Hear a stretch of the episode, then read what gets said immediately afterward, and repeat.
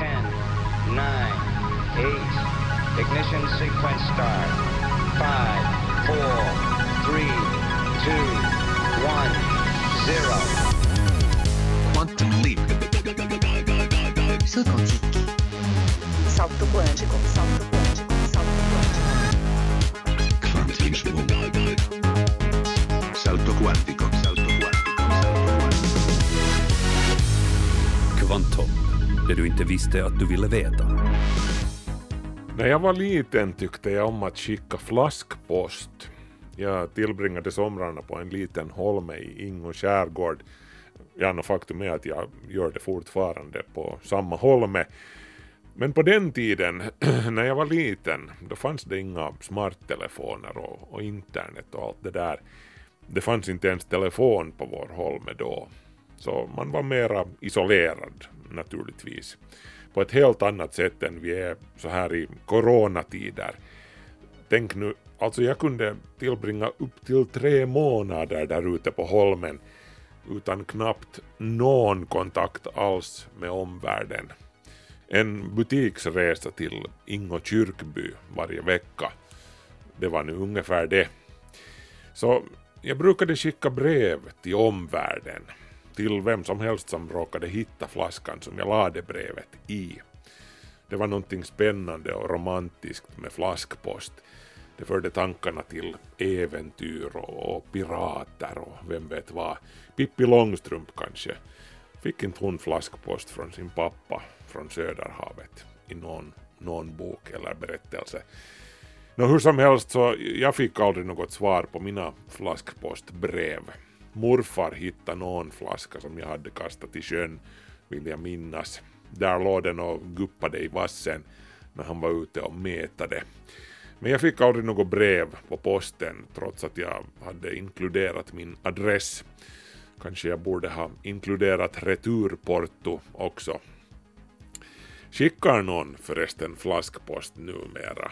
Jag, jag antar att det betraktas som att skräpa ner havet nu för tiden, vilket det ju är på sätt och vis, men samtidigt så är det ju en fin gammal tradition som man gärna skulle låta leva vidare.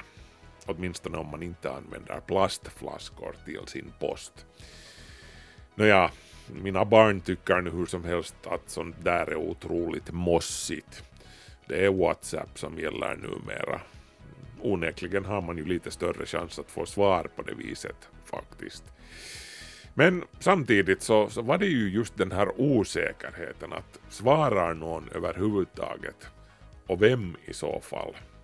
Det var ju den som var hela grejen med flaskpost.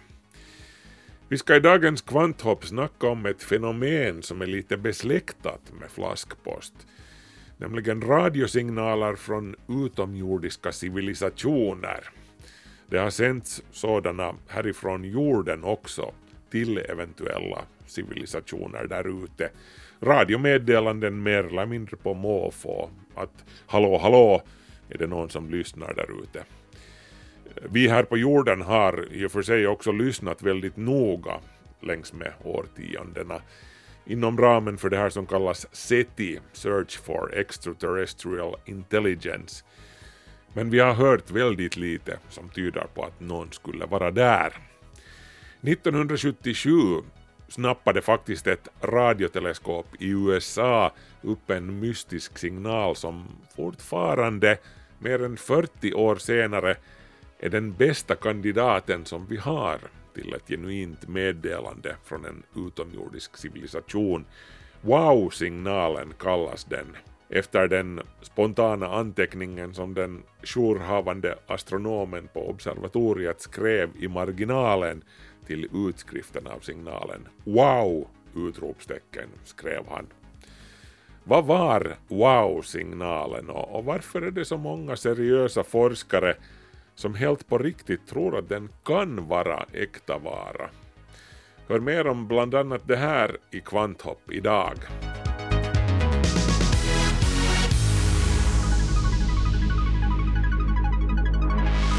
Markus Rosenlund heter jag. Välkommen med i programmet.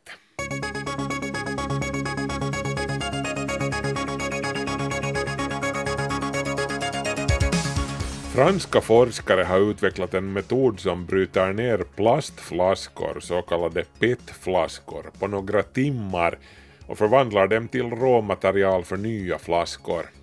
Metoden bygger på ett enzym tillverkat av bakterier, en bakteriestam som upptäcktes i en lövkompost för åtta år sedan.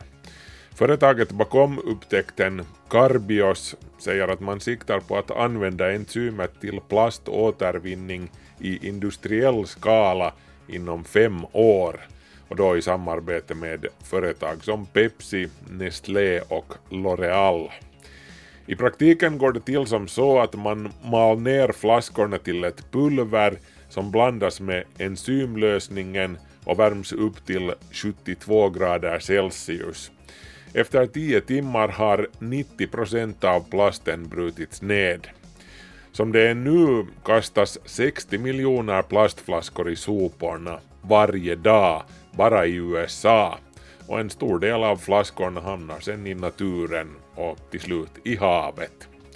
17 miljoner tunnor råolja går det åt till att tillverka plastflaskorna årligen. Det motsvarar ungefär förbrukningen för en miljon bensindrivna personbilar. Det kalla krigets provsprängningar av kärnvapen påverkade vädret på platser tusentals kilometer från själva testområdena. Det här enligt en färsk studie från University of Reading i Storbritannien publicerad i Physical Review Letters. Forskarna samkörde uppgifter om kärnvapensprängningar bland annat i Nevada och i Stilla havet under åren 1962 till 64 med meteorologiska arkivuppgifter från väderstationer i London och Skottland. Det visade sig att efter sprängningarna var molnen mer kompakta och det föll i genomsnitt 24 procent mer nederbörd ur dem per dag än normalt. Det här förklaras med att radioaktiviteten från sprängningarna gav upphov till elektriska laddningar som i sin tur påverkade droppbildningen inuti molnen. Väderkvarnar tillverkades ju i århundraden av trä, så det kanske inte är så konstigt att trä nu är på kommande som material för moderna vindkraftverk. Det svenska företaget Modvion, baserat i Göteborg, uppvisade nyligen prototypen för det första vindmölletornet av trä. Tornet restes i Björkö nära Göteborg. Modvion siktar på att ha det första kommersiella vindkraftstornet av trä i full gång fram till år 2022. De har knutit avtal om saken med lokala kraftbolag. Företagets VD Otto Lundman säger i ett pressmeddelande att laminerat trä är starkare än stål i samma viktklass, vilket möjliggör högre kraftverkstorn. Modvions första torn blir 110 meter högt och dessutom har man planer på 10 torn till med en höjd på minst 150 meter. Lundman säger också att trä som material minskar på behovet av klimatskadlig stålframställning och träet i sig är ju dessutom en kolsänka. NASAs nya månprogram heter Artemis, uppkallat efter Apollos tvillingsyster, mångudinnan Artemis från den grekiska mytologin. Nu i dagarna lade NASA in en beställning för 18 stycken RS-25 raketmotorer för sin kommande jätteraket SLS, eller Space Launch System, som enligt planerna ska lyfta mot månen 2024. Motorerna tillverkas av företaget Aerojet Rocketdyne i Kalifornien och beställningen är värd 1,8 miljarder dollar. Den 111 meter höga och nästan en miljon kilo tunga SLS-raketen kommer att köra med fyra stycken RS-25-motorer plus två externa raketer som går på fast bränsle. NASA har redan 16 stycken färdiga motorer som ska sitta i de fyra första SLS-raketerna.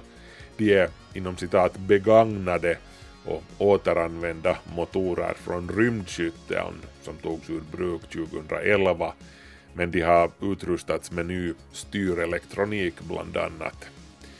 Ovanpå SLS-raketen kommer det sedan att sitta den nya Orion-kapseln som alltså är farkosten som flyger astronauterna till månen och tillbaka.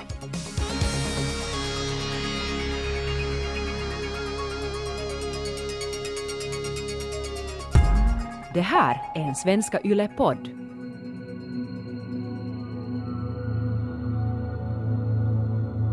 För en tid sedan talade jag om det här med huruvida vi är ensamma i universum.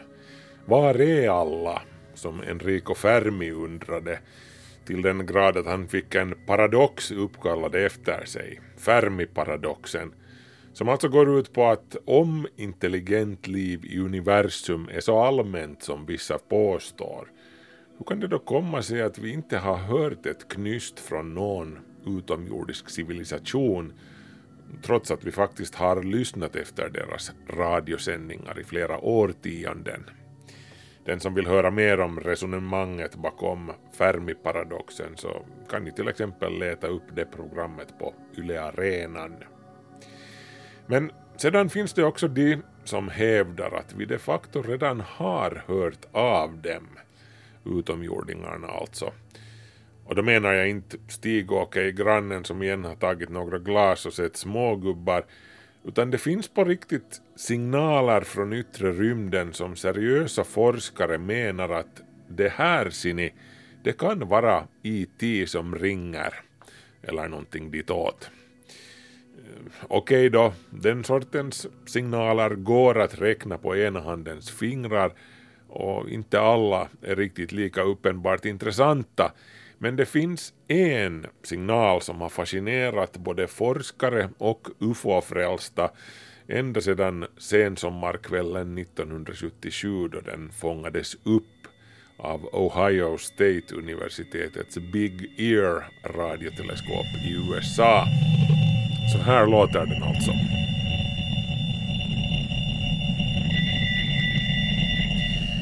Den här signalen kallas för wow-signalen. W-O-W utropstecken signalen.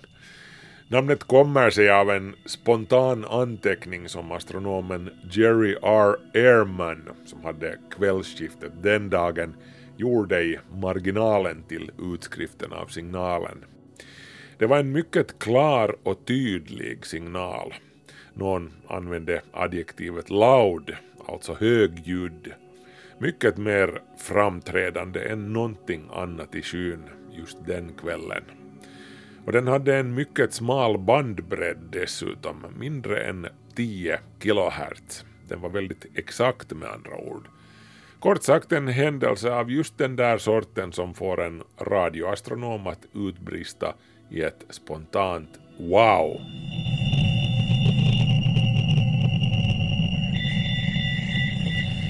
Signalen hade frekvensen 1420,4556 MHz, plus minus 0,005 kHz.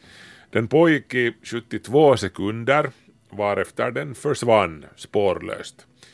Den tonade inte ut sakta den bara bröts helt enkelt, som om någon hade vridit om en strömbrytare.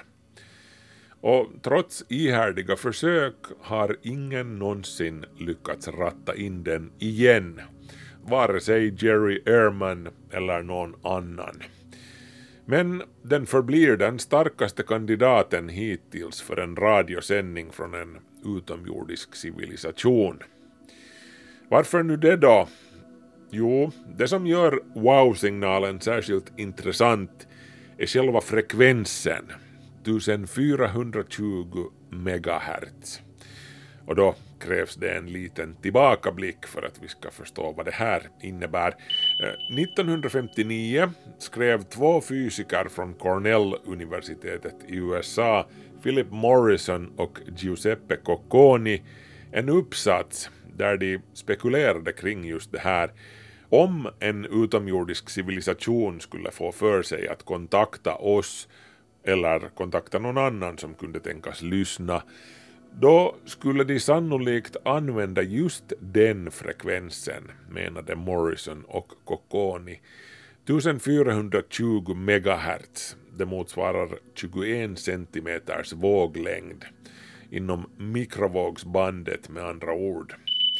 Och vad är det då som är så speciellt med just den frekvensen?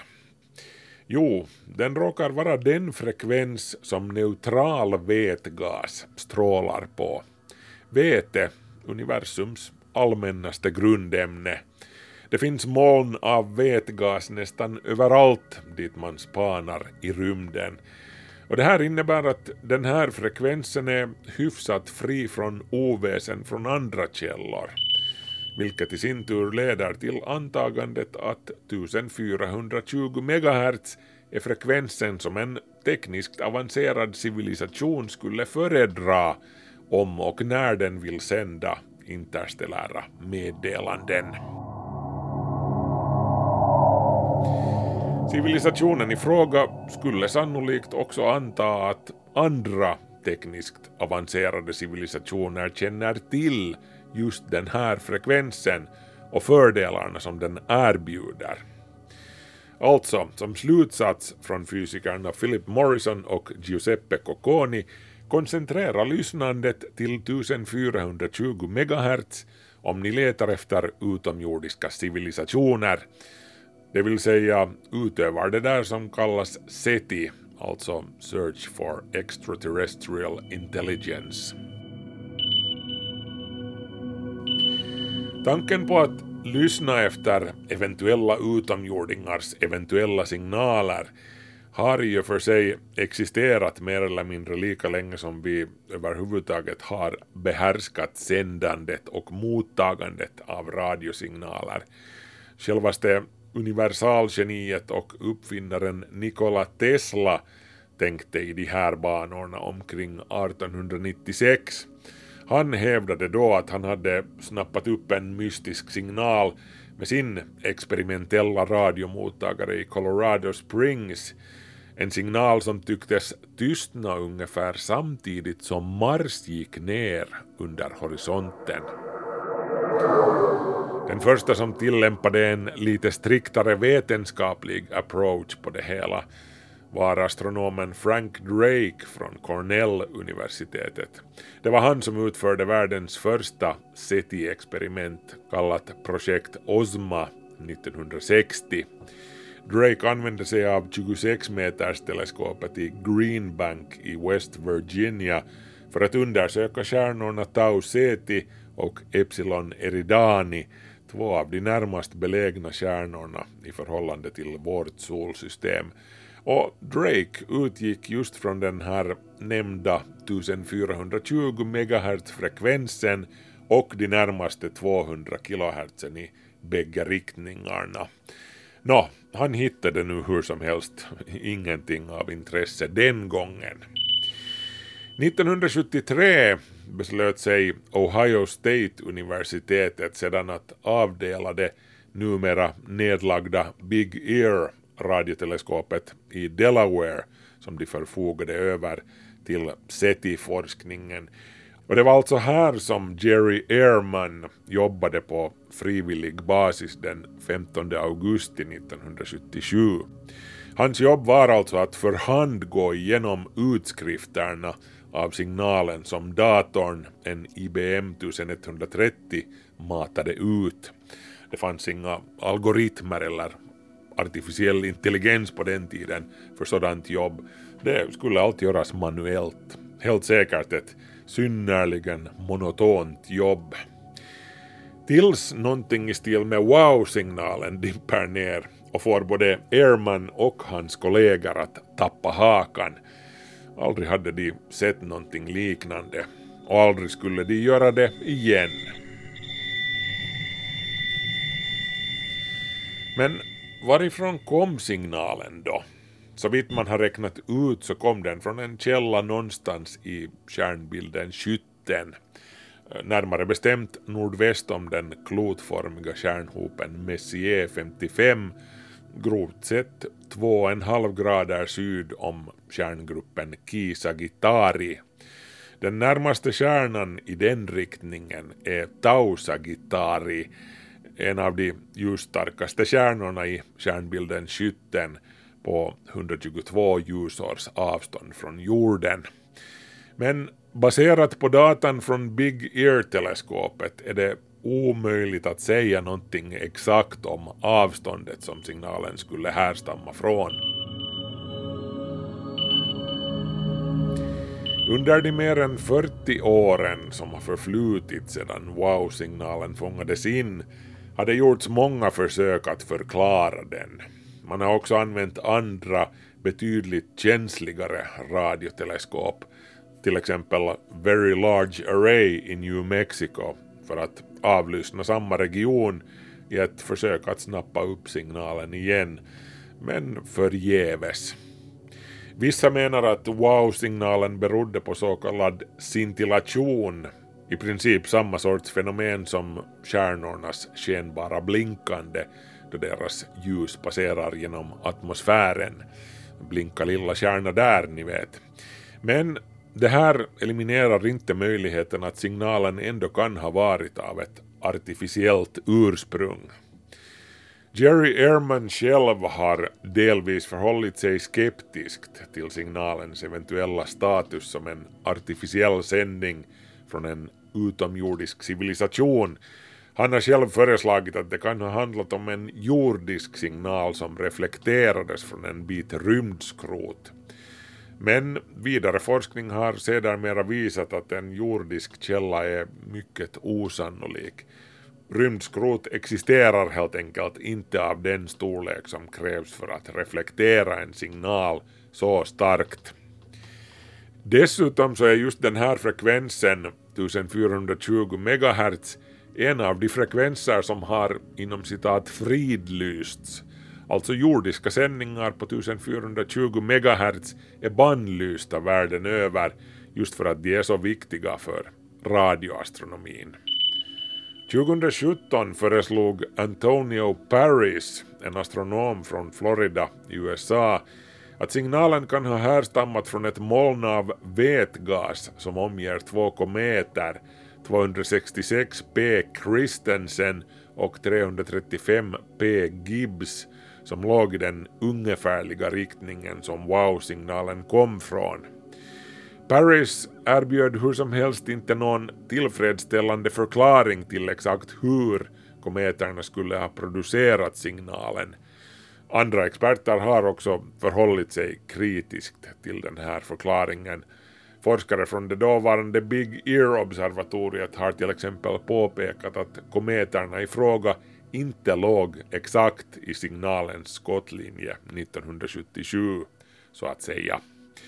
Jerry Ehrman, signalens upptäckare, har själv kommenterat komethypotesen med att konstatera att radiostrålningen från vätgasen som omger en komet skulle vara betydligt mer diffus till sin natur, inte skarpt avgränsad och med en smal bandbredd sådär som wow-signalen hade.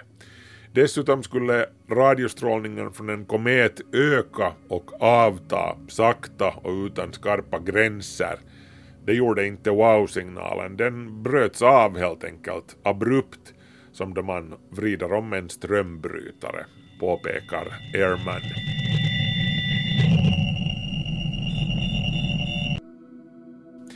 Det här betyder inte att Airman skulle vara övertygad om att det handlar om utomjordingar som låg bakom signalen. Det finns trots allt astronomiska fenomen som dyker upp och försvinner abrupt, just det där som wow-signalen gjorde. Till exempel det här som kallas FRB, eller Fast Radio Bursts, radioblixtar från yttre rymden. Även deras ursprung är för övrigt ett genuint och fullkomligt mysterium för vetenskapen. Det är inte helt omöjligt att det var en, en del av en sådan som Big Ear snappade upp 1977. Radioblixtar det, det handlar alltså som namnet säger om korta men kraftiga pulser av radiovågor med en varaktighet på bara några millisekunder. De källor som man hittills har lyckats lokalisera har befunnit sig i avlägsna galaxer och varit extremt intensiva. Ibland upprepar de sig, oftast inte. Och ingen vet exakt hur de här radioblixtarna uppkommer, även om det finns hypoteser om saken, bland annat kolliderande neutronkärnor eller så kallade magnetarer, alltså neutronkärnor med ohyggligt starka magnetfält. I januari 2020 rapporterades det att ett kanadensiskt radioteleskop hade snappat upp en särskilt förbryllande radioblixt med sitt ursprung på 500 miljoner ljusårs avstånd, den närmaste radioblixten hittills. Mysteriet består i att den ägde rum i en högst ordinär spiralgalax i stil med vår egen galax Vintergatan utan några uppenbara naturliga radiokällor. Men ännu beträffande wow-signalen från 1977 var den en radioblixt eller helt enkelt bara resultatet av ett tekniskt fel i själva radioteleskopet, Big Ear? Den möjligheten går inte att utesluta med hundraprocentig säkerhet, medger Jerry Ehrman. Eller var den de facto en genuin signal från en utomjordisk civilisation? Inte heller det går att utesluta helt och hållet baserat på det som vi vet idag. Hur som helst så har wow-signalen fått ett stadigt fotfäste i populärkulturen. Den har omnämnts och förekommit flitigt i tv-serier som X-Files, alltså Arkiv X, och diverse musikstycken av artister som Dandy Warhols och deras låt City vs. The Wow Signal och Jean-Michel Jarre i hans låt Oxygen 17.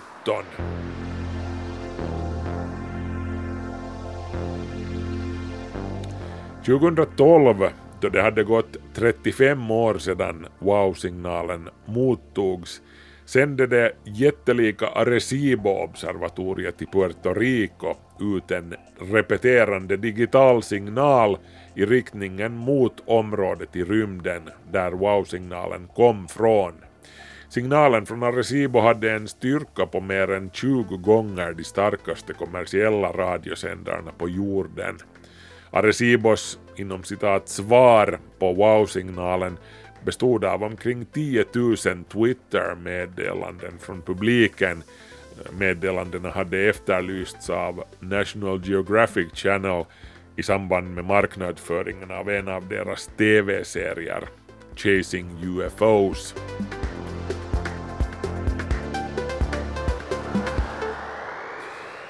Huruvida Arecibo någonsin får svar på sin signal, det återstår att se, men sannolikt så existerar inte ens Arecibo-teleskopet om och när den svarsignalen kommer, med tanke på rymdens enorma avstånd och tiden det tar att sända signaler mellan stjärnorna, också om det sker med ljusets hastighet.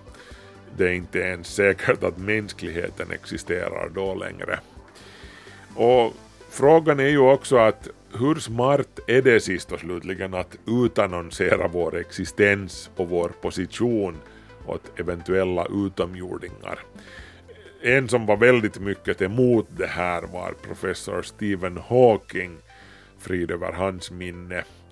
En dag, sade Hawking i en intervju 2016, en dag får vi kanske en signal från rymden Eh, Hawking hänvisade då alltså till eventuella signaler från den potentiellt beboeliga jordliknande planeten Gliese 832c vars upptäckt var aktuell just då. Eh, Gliese 832c ligger på 16 ljusårs avstånd från jorden vilken gör den till en av de närmaste jordliknande exoplaneterna. Ingen har alltså hört några signaler från det hållet men vi borde vara försiktiga med att svara, varnade Hawking om de sänder någonting därifrån alltså. Att möta en avancerad utomjordisk civilisation kunde vara lite som då Amerikas ursprungsfolk mötte Columbus och det slutade ju inte väl, konstaterade alltså Stephen Hawking. Nåjo, han hade ju rätt förstås, men kom igen nu professorn. Vi, vi, vi skulle inte vara människor om vi inte lät nyfikenheten ta överhanden i sådana här situationer. Det är trots allt just vårt kanske mest mänskliga av alla drag, nyfikenheten, som får oss att säga wow.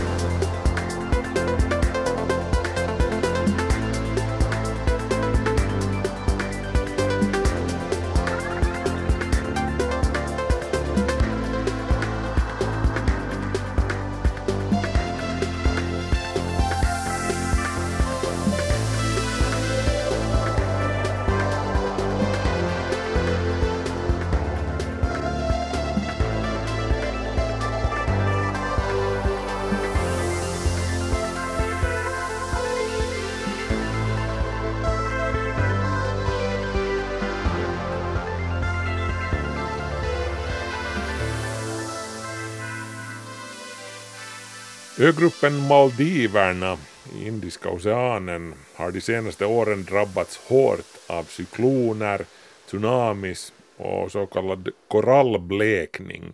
Men nu har lokala miljögrupper runt om i önationen dragit igång projekt med att odla nya koraller och även om massor med arbete återstår så har försöken visat sig gå bättre än väntat. Kvanthopps medarbetare John Dunqvist har besökt en av odlingarna.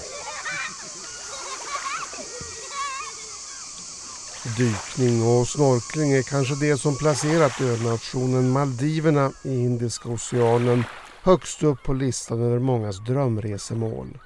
Glada barn som stojar i strandkanten, solen som alltid skiner och längre ut i det turkosblåa vattnet en flock delfiner som leker tafatt efter en motorbåt. Och så avslutar man dagen med nygrillad fisk på en strandrestaurang samtidigt som en varm bris sveper in från havet. Ja, det är mycket som är mysigt med Maldiverna men på senare år har det dykt upp en rad problem som hotar paradisöarnas existens. Allvarligast är den globala uppvärmningen. Maldivernas högsta punkt ligger bara några meter över havsnivån och hela nationen riskerar att hamna under vatten om polarisarna fortsätter att smälta och havsnivån därmed att stiga.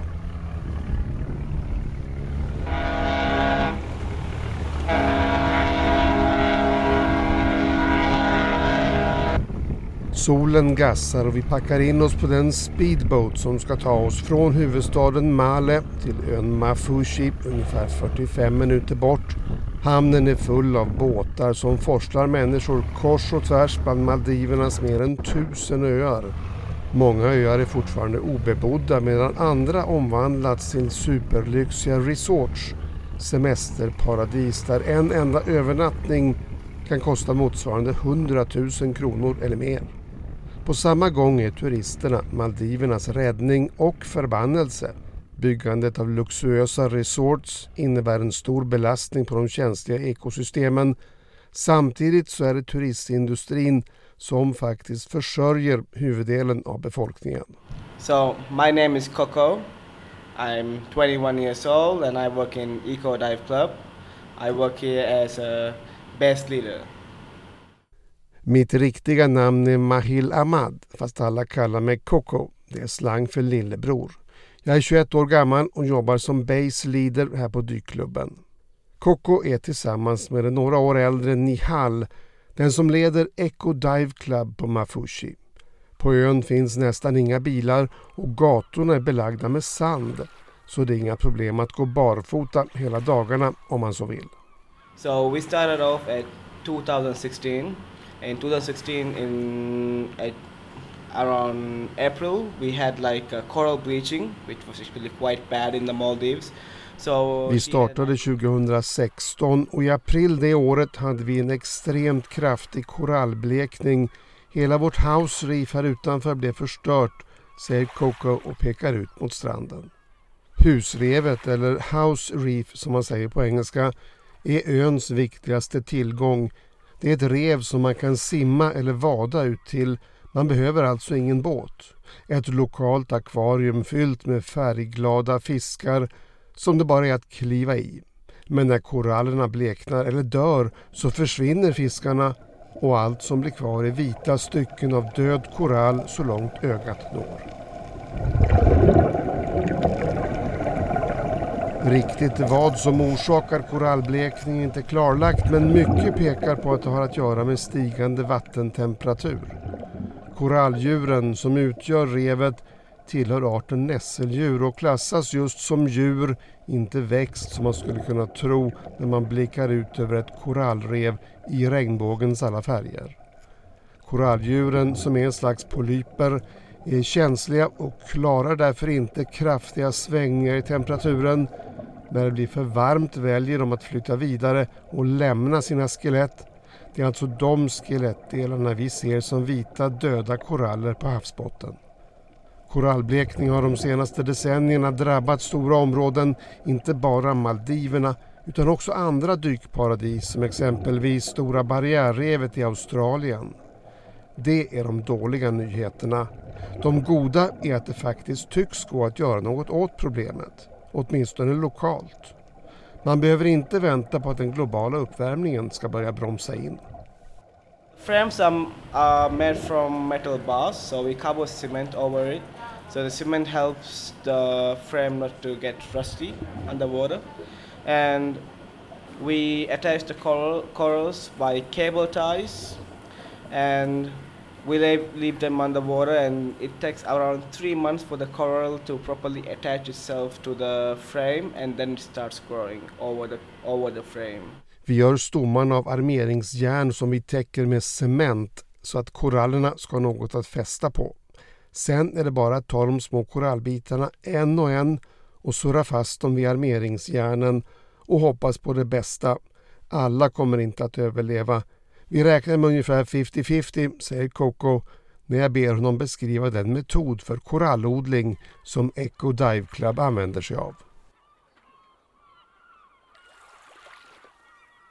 En eftermiddag simmar jag ut för att själv titta på odlingarna. Jag utgår från den allmänna badstranden på Mafushi.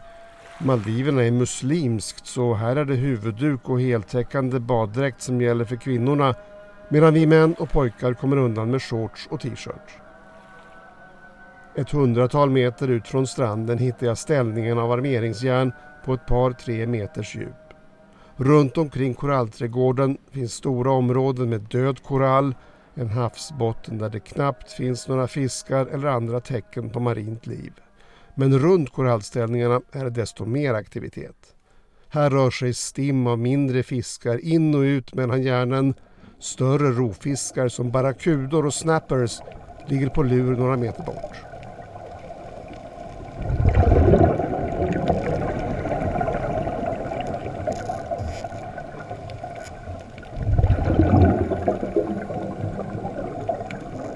Det har visat sig vara ett pilligt men också tillfredsställande jobb att odla koraller.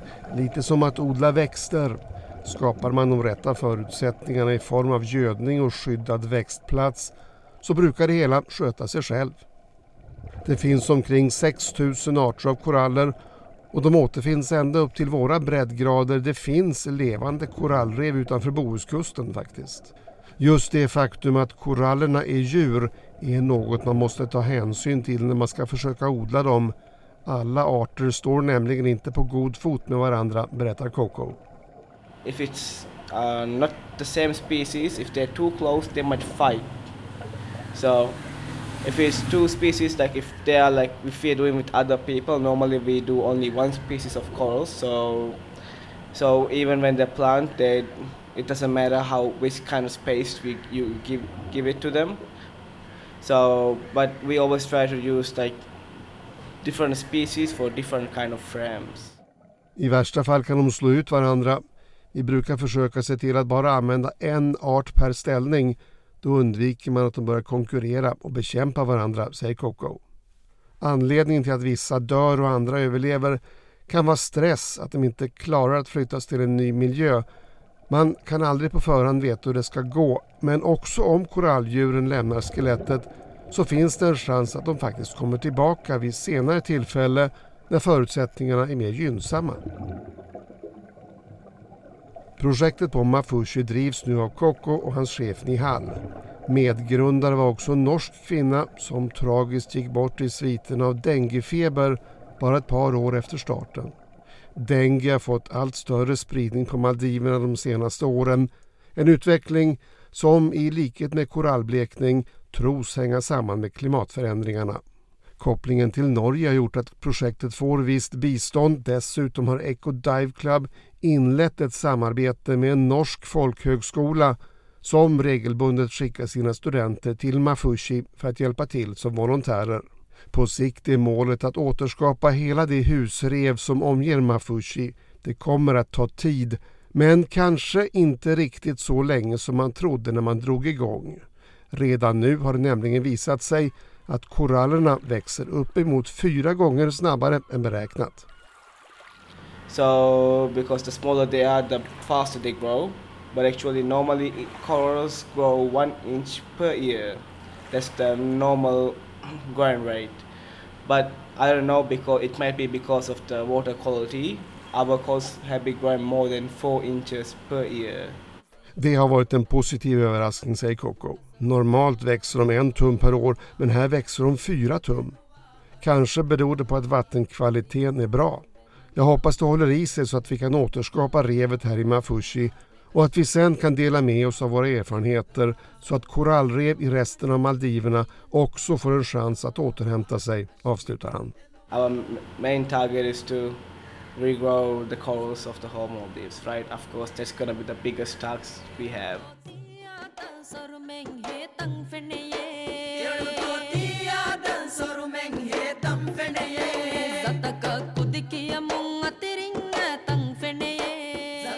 Det var John Thunqvist som hade besökt ön Mafushi på Maldiverna.